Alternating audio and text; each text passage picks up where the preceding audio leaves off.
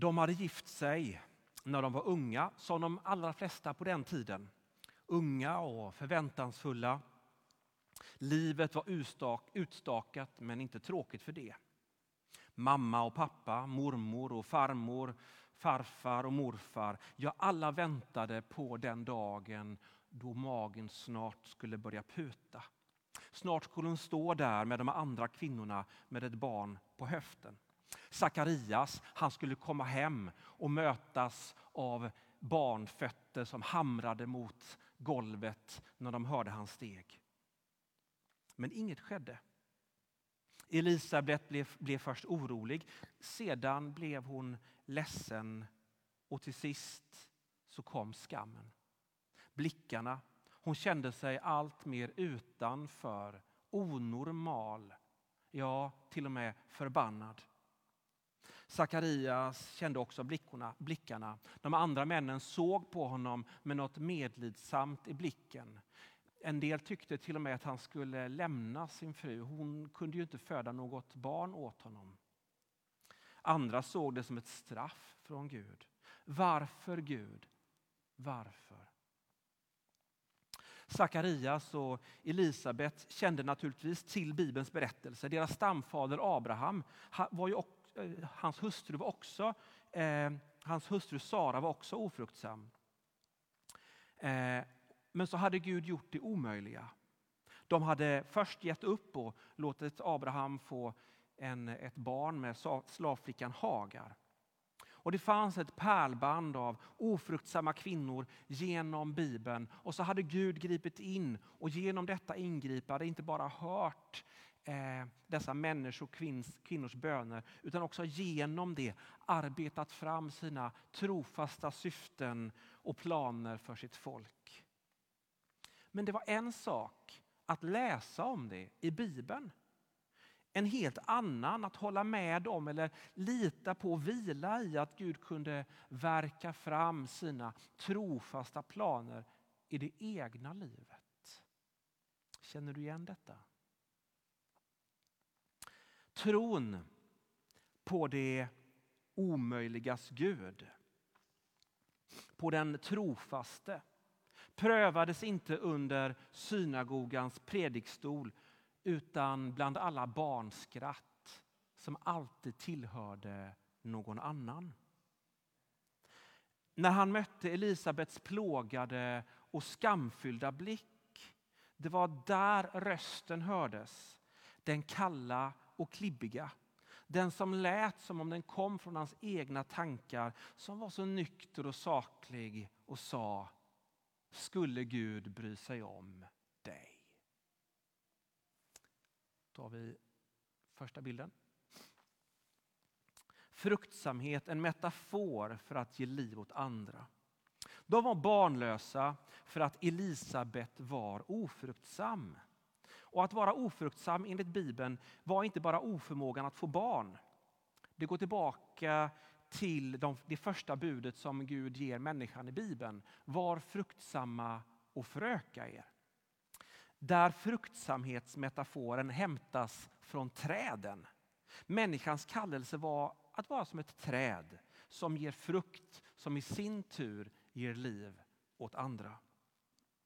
Oförmågan att få barn, att vara ofruktsam var därför en symbol för att livet i sin helhet inte bär frukt. Att vara som ett äppelträd i trädgården och aldrig få några äpplen.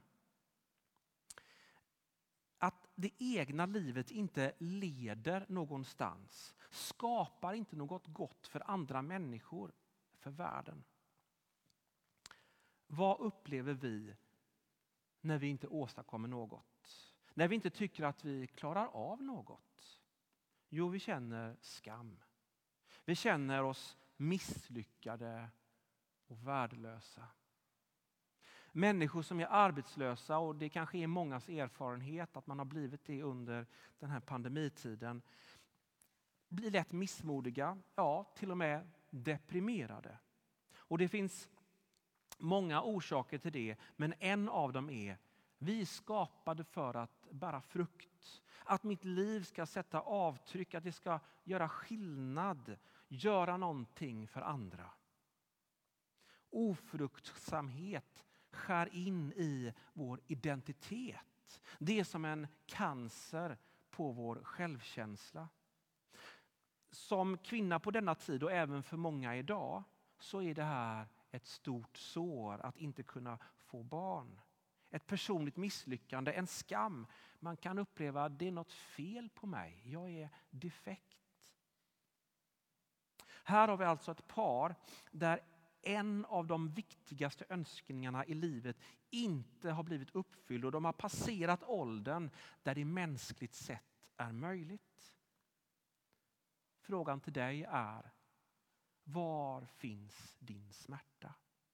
Vilka är dina ouppfyllda drömmar? Vad är din livssorg? Var inte rädd Sakarias, din bön har blivit hörd. Den bön som följt Sakarias genom hela livet. Hans livs smärta hade vänts, gjorts om till bön genom hela livet. Ofta är det så att vi slutar att be när de inte besvaras därför att vi orkar inte leva i en obesvarad längtan.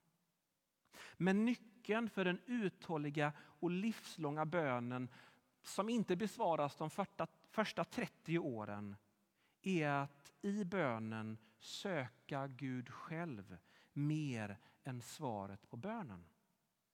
Så att Guds egen närvaro, gemenskapen, föreningen, Gud själv blir allt mer svaret på min djupaste längtan. Jag som blir viktigare än svaret på mina böner. Det var detta som blev Sakarias stora livsfrukt.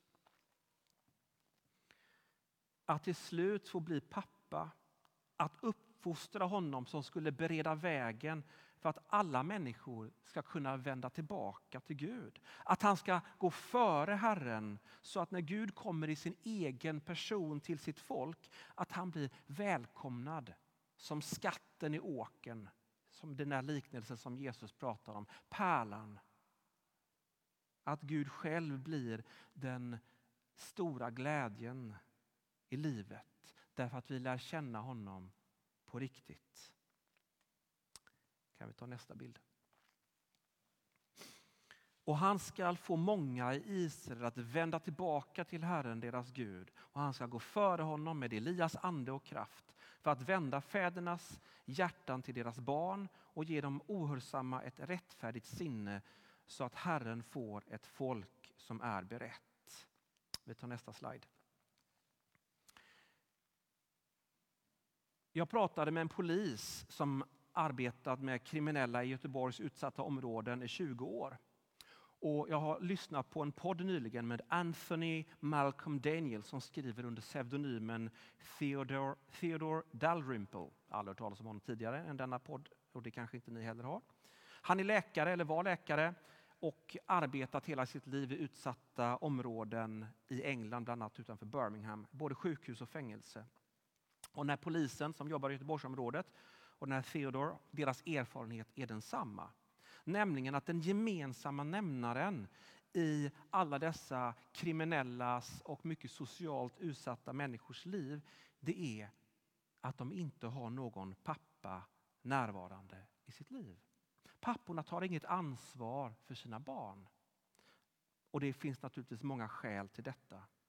Och Det verkar vara ett problem som funnits genom årtusenden Guds helande verk genom Johannes fokuserar just på detta.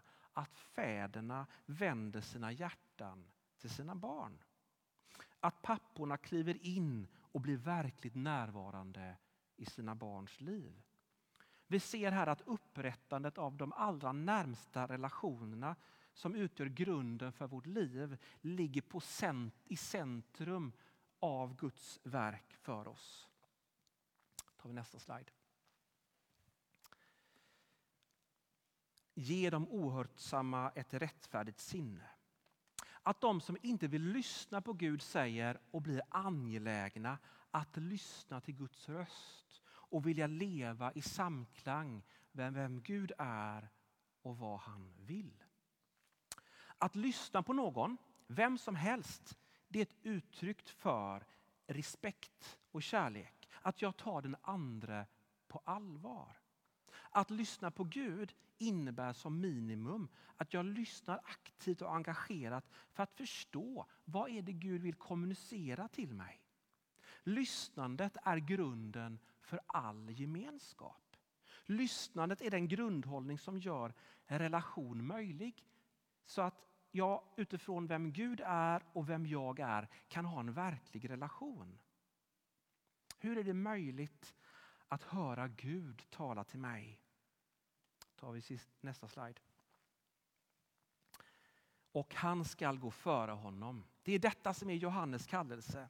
Att gå framför Gud när han kommer för att när, bli närvarande i sitt folk. Johannes bereder vägen för Gud förkroppsligad, inkarnerad i Jesus. Bokstavligen genom honom talar Gud till oss i ord och handling. Jesus är Guds självkommunikation. Sakarias och Elisabet formades genom den obesvarade bönen om ett barn. Genom att inte vara fruktsamma på ett sätt som de önskade att bli.